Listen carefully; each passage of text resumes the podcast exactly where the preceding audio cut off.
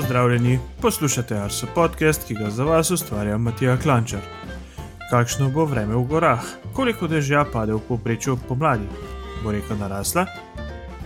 Podobno vprašanje in vsaj delni odgovori na nje so pomembni za vsakogar, ki je dejavno v naravnem okolju.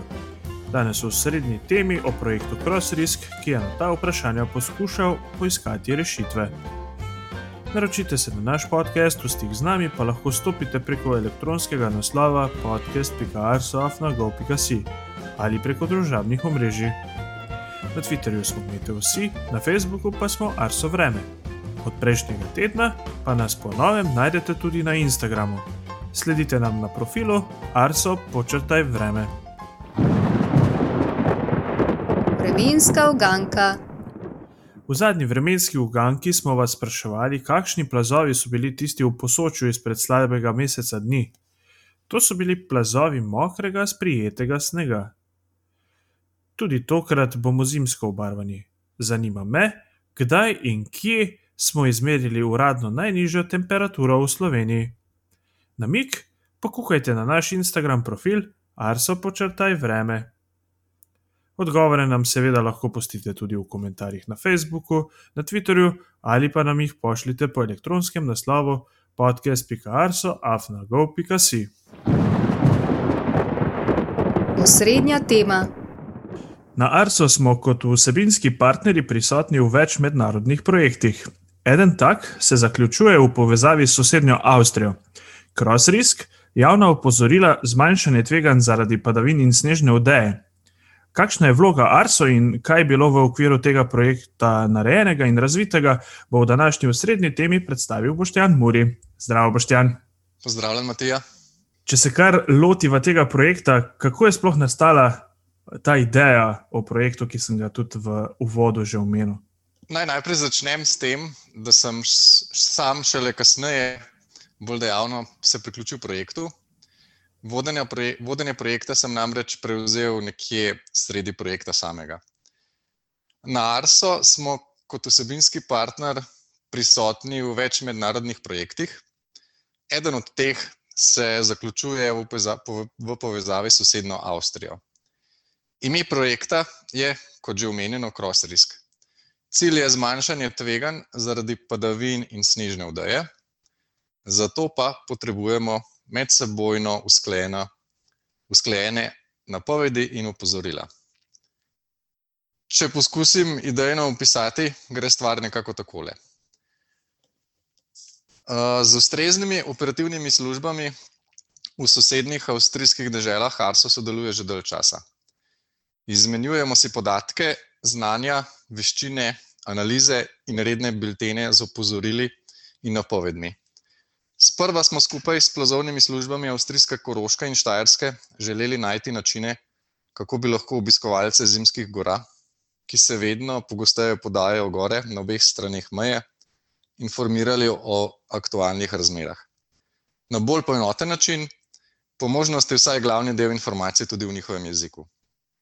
Ko smo ta cilj postavili v širši kontekst in tudi naš ta naš specifični čezmejni prostor, smo ugotovili, da bi za bolj usklajeno delovanje in kot podporo v odločanju tudi, tudi drugim uporabnikom na teh območjih morali na poenoten način pripraviti ne samo informacijo o snežni vdaji, ampak tudi podatke o padavinah, o poprečnih značilnostih njihovih količin in tudi prostorske razporeditve, ter ne nazadnje tudi njihov, njihov dnevni vpliv na porečje skupne reke Mure.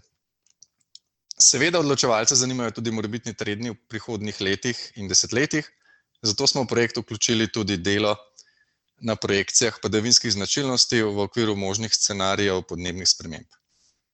Zato smo z nekaj relevantnimi inštitucijami, tukaj naj omenim Avstrijski osrednji urad za meteorologijo in geodinamiko CAMK, avstrijski deželi Koroška in Štajerska, inštitut Johanneum iz Graca, Geografski inštitut Antona Melika ZRC Sazu, eh, Univerza v Mariboru, oblikovali predlog projekta v okviru bilateralnega programa sodelovanja Interreg Slovenija-Avstrija. No, in projekt je bil sprejet v izvedbo. Zdaj smo že skoraj na koncu. in nekaj uporabnih rezultatov je že na voljo uporabnikom, predvsem na spletu. O teh rezultatih bova več v nadaljevanju. Uh, kdaj ste pa v bistvu vse skupaj začeli s tem projektom? Projekt Crosstrisk, Crosstrisk se je začel junija 2018. Priprave na projekt so se seveda začele že precej prej, kot je v navadi z ostalimi mednarodnimi projekti. Glede na to, da je šlo za kar obsežen projekt, me zanima, kako je v bistvu v ta projekt bil vključen uh, naš ARSO, naša agencija. Crostrisk ima štiri vsebinske sklope: sneg, poplave, diseminacija in ozaveščanje. ARSO je najbolj dejavno vključen v prve tri delovne sklope. V sklopu sneg smo vzpostavili model za napovedovanje snega in raziskali klimatološke značilnosti višine snega in dogodkov z ekstremnim snegom vključno s pričakovanimi spremembami v prihodnosti, glede na predpostavljene podnebne scenarije. V sklopu poplave smo skupaj z avstrijskim partnerjem iz zvezdne dežele Štajerska nadgradili hidrološki model Mure. To je pomembno za natančnejše opozarjanje pred poplavami. Prav tako smo raziskali klimatološke značilnosti dogodkov z ekstremnimi padavinami, vključno s povratnimi dobami in pričakovanimi spremembami v prihodnosti. Delovni sklop diseminacija vodi ARSO. V tem sklopu skupaj z ostalimi projektnimi partnerji izboljšujemo procese in podporne sisteme za posredovanje in razširjanje rednih in preračunanih izdelkov. Tukaj gre za opozorila, biltene, napovedi in priporočila. V, v ta namen smo tudi vzpostavili spletno aplikacijo CrossRisk. Um, kakšni so bili pa v bistvu neki naši cilji? Smo v bistvu jih dosegli? Hoteli smo posodobiti in upeljati nova operativna urodja za numerično simuliranje dogajanja v snežni vdaji in na področju hidrologije ter klimatologije padavin in snega. Želeli smo doseči napredek tudi pri bolj poenotenem načinu prikazovanja teh rezultatov za uporabnike, predvsem kot uporabne vsebine na javnem spletu. V večji meri smo tudi želeli pridobiti in vključevati povratne informacije z terena s pomočjo tako imenovanih ljubiteljskih oziroma državljanskih opazovanj. Vse to nam bo, kot kaže, v precejšnji meri tudi uspelo. V okviru projekta smo namreč lahko zaposlili tudi dodatne mlade strokovnjake, ki so vsak na svojem področju doprinesli k rezultatom. Dobra istočnica za naslednjo temo, o kateri se bomo zdaj malo bolj detaljno pogovarjali. V svojem govoru, oziroma v, svoj, v svojih odgovorih, si že omenil kar večji del teh rezultatov, ki smo jih dosegli tekom projekta. Pa me za začetek zanima, ker pač vse skupaj, vse te produkte bomo našli na spletni, na spletni aplikaciji CrossRisk kaj lahko vse uporabnik uh, tam najde? Ja, ta spletna aplikacija crossrisk.eu, ki si jo omenil, je v bistvu eden od precej vidnih neposrednih rezultatov projekta.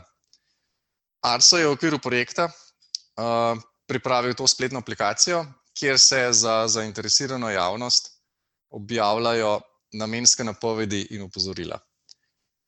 Na tej aplikaciji se da spremljati aktualni plazovni bilten, trenutna vremenska opozorila, grafični prikaz napovedi vremena v obliki tabele, napovedi snega in vremena, hidrološke napovedi za nekatere lokacije v porečju Mure ter povratne dobe za snežne obtežbe in padavine.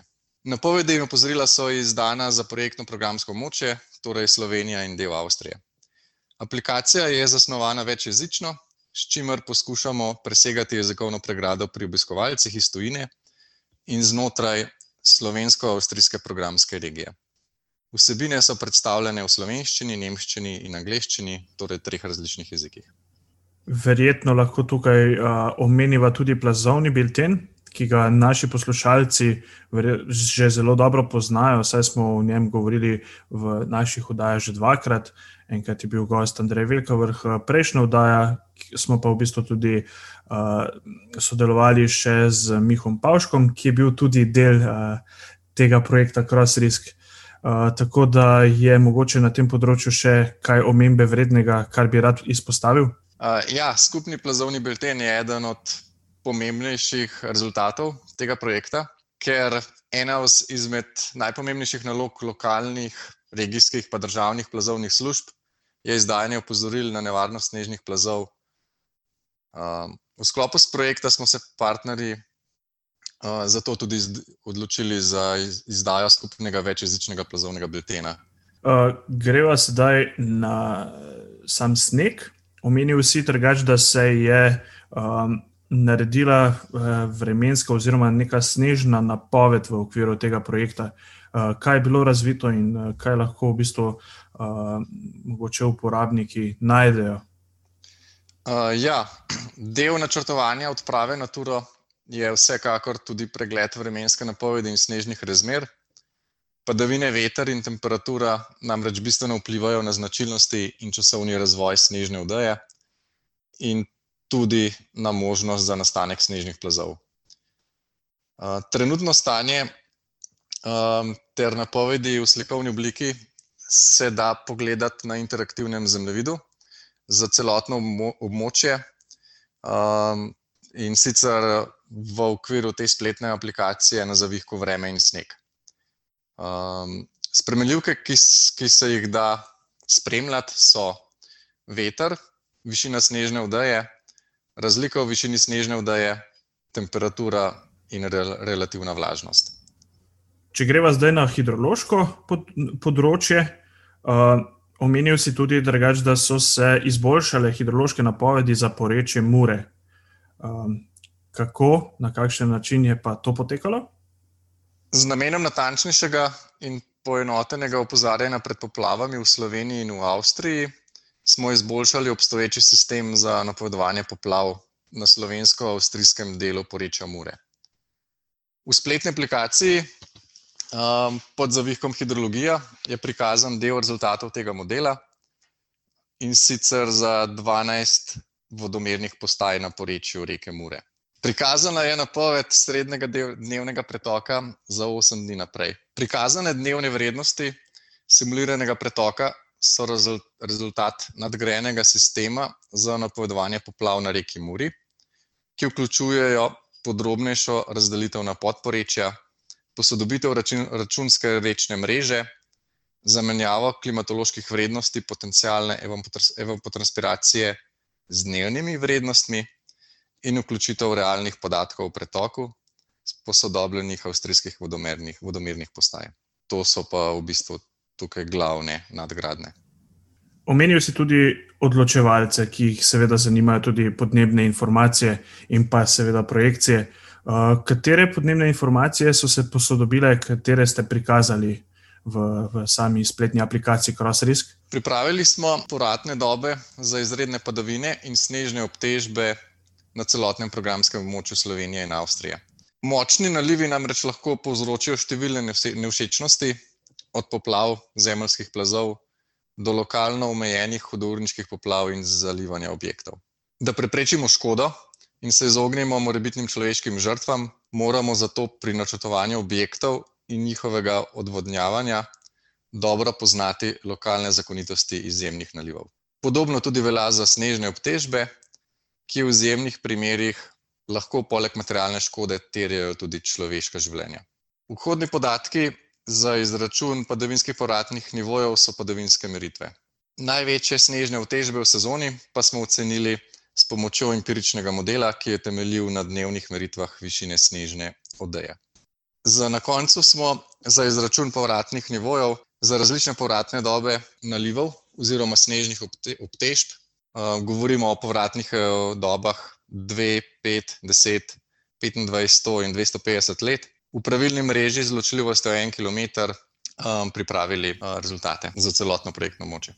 Uh, zdaj naj očaka še mogoče uh, en del uh, tega pogovora, ki je namenjen predvsem za naše poslušalce. Uh, dotaknila se bova dveh aplikacij, ki so bile razvite tekom projekta CrossRisk. Uh, prva je Regops aplikacija, kako lahko z terena pomaga tudi vsak izmed naših poslušalcev. Torej, Regops je mobilna in spletna aplikacija na norveški platformi Varsom, ki olajša vnos in izmenjavo podatkov z terena. V okviru projekta smo v sodelovanju z Norveško plazovno službo prevedli to spletno in mobilno aplikacijo tudi v slovenščino. V aplikacijo Regops vnašamo podatke z terena, ki opisujejo stanje snežne vdeje in voda, ter ledne in zemeljske razmere. Pri snežni vdeji lahko uporabnik, na primer, vnese opažene znake nevarnosti, upis snežne vdeje, rezultate preizkusov stabilnosti, snežni profil, videno plazovno aktivnost, aktualne fotografije ter mnoge druge informacije. Regops je namenjen tako splošnim uporabnikom, kot tudi službam, ki skrbijo za izdajanje opozoril in nevarnosti. Povprečnemu uporabniku pa lahko predstavlja orodje za varno načrtovanje različnih poti. Za vnos opažanj se moramo predhodno registrirati in vsekakor je čim več uporabnikov vabljenih, da naredijo registracijo in sodelujejo pri ozaveščanju. Ja, mislim drugače, da na tem mestu lahko še enkrat poudariva, kako pomembno je, da se, da se tisti, ki se odpravijo v gore, res pozanimajo o stanju na terenu. In ena izmed teh, mislim, ta aplikacija posebej je mogoče dober, dobro orodje, no, pri načrtovanju te poti, da se pogledajo razne razmere ali je kaj nevarnosti, seveda pa je potrebno tudi spremljati naše spletne strani, kjer opozarjamo z opozorili, stopnjami nevarnosti pred snežnimi plazovi, kaj se dogaja. Tako, ja, to je pač dodatna informacija, ki se mora spremljati z ostalimi viri informacij. Ne more, ni pa to edino orodje.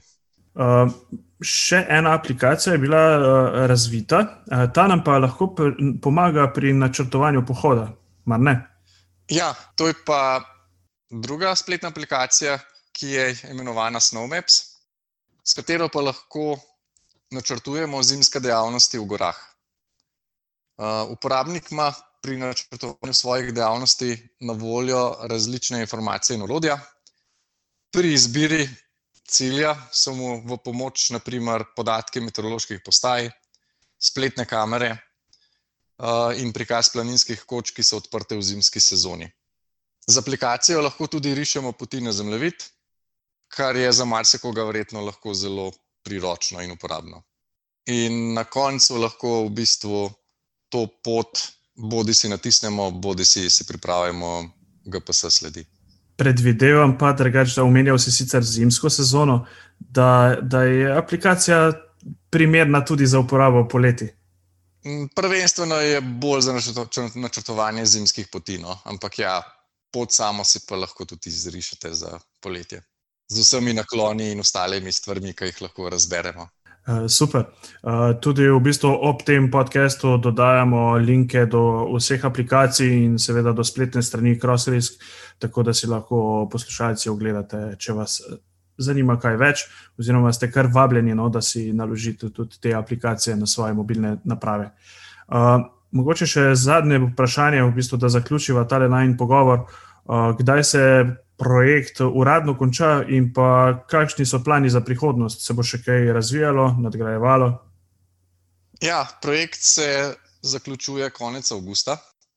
po planu bi se sicer moral končati, maja, pač letošnje leto, vendar se je zaradi epidemioloških razmer projekt podaljšal za tri mesece. Kar se tiče nadaljevanj, kot je meni znano, v taki bilateralni obliki trenutno ni predvideno, da bi se nadaljevalo. vsekakor pa bomo dejavnosti, s katerimi smo se ukvarjali v okviru projekta, pa tudi spletno aplikacijo, ki smo jo tukaj omenjali, še naprej razvijali in nadgrajevali. In vas bomo tudi obveščali o tem. Odlično, Boštjan, najlepša hvala za tvoj čas pa za tale celovit pregled, zanimivega projekta, ki se izteka, kot smo slišali. Matija, hvala tudi tebi za povabilo. Obeti. Vremensko napoved za naslednje dni je tokrat pripravil Blaž Šter. Lepo pozdravljeni, V preteklih dneh smo izkusili mraz, sonce in tudi veter, za zimsko kuliso je manjkal le še sneg.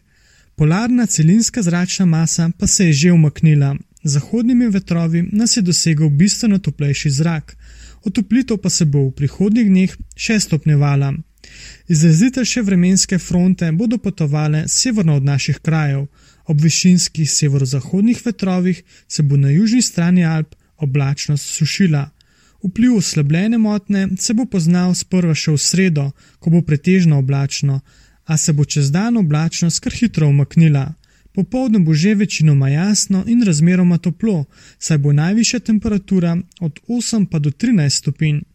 V naslednjih dneh se bo območje nizkega zračnega tlaka nahajalo nad Zahodno Evropo, izrazit anticiklon pa bo nad vzhodnim sredozemljem in Črnim morjem. Nad našimi kraji bo zapihal jugozahodnik, ta se bo občutil že v četrtek, ko se bo pooblačilo v zahodni Sloveniji. V petek pričakujemo, da bo nizka oblačnost segla tudi nad osrednji del države, v hribih notranske pa bo možna tudi kakšna kaplja dežja. Druge bo več sonca, zlasti po nižinah vzhodne Slovenije pa bo zelo toplo.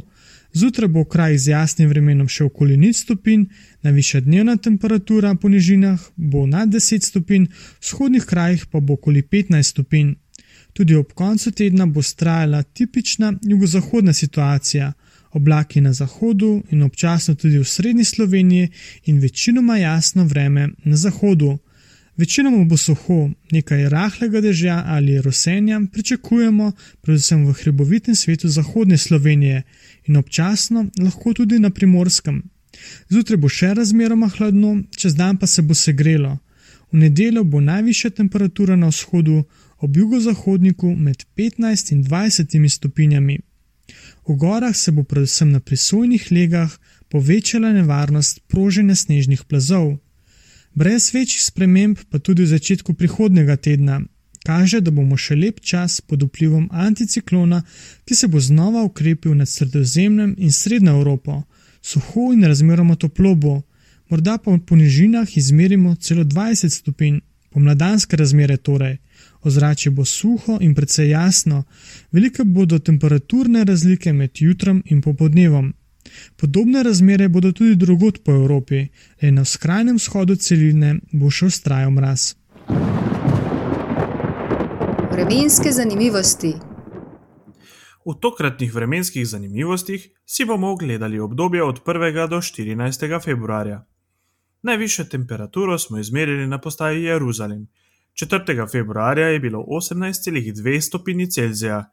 V obdobju zadnjih 14 dni smo izmerili kar nekaj nizkih vrednosti. Najnižje se je živo srebro spustilo na postaji Kredarica. 13. februarja smo izmerili minus 24,1 stopinjo Celzija. Najhitrejši sunek vetra smo izmerili na postaji Slavnik. 13. februarja je pihalo s hitrostjo 129 km/h. Največ padavin v enem dnevu smo tudi tokrat izmerili na Voglu. 8. februarja je padlo kar 182,9 mm padavin. Najbolj sončna postaja v preteklem 14-dnevnem obdobju je bila postaja Maribor Vrbanski plato, ki je zbrala 64 ur in 17 minut sonca.